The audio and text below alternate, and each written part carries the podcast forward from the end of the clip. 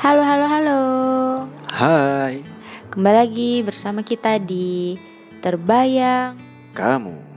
Kali ini kita akan kasih tips tentang kenapa tiga hal kenapa kamu harus nangis ketika putus. Kenapa kita harus menangis ketika putus? Yang pertama itu biar kita lega, kita mengeluarkan segalanya.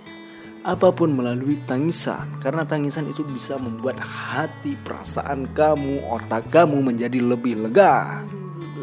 Yang kedua, biar kit- kamu nggak bunuh diri. Waduh, serem nih, kenapa? Ya mending nangis dong, kan banyak tuh orang-orang yang putus tiba-tiba bunuh diri. Mending nangis aja. Hmm, benar, benar, benar, benar.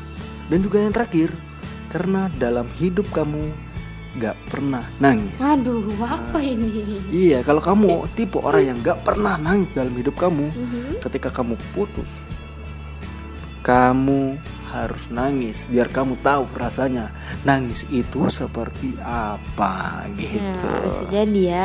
Jadi punya alasan kenapa nangis. Gitu, iya. Oke, itu Oke. aja tiga tips hari ini. Tiga tips ampuh dari kita. Eh, terbayang kamu. Jangan lupa. Iya, dan jangan lupa follow di Instagram Terbayang kamu. Oke, Dadah. dadah. See you.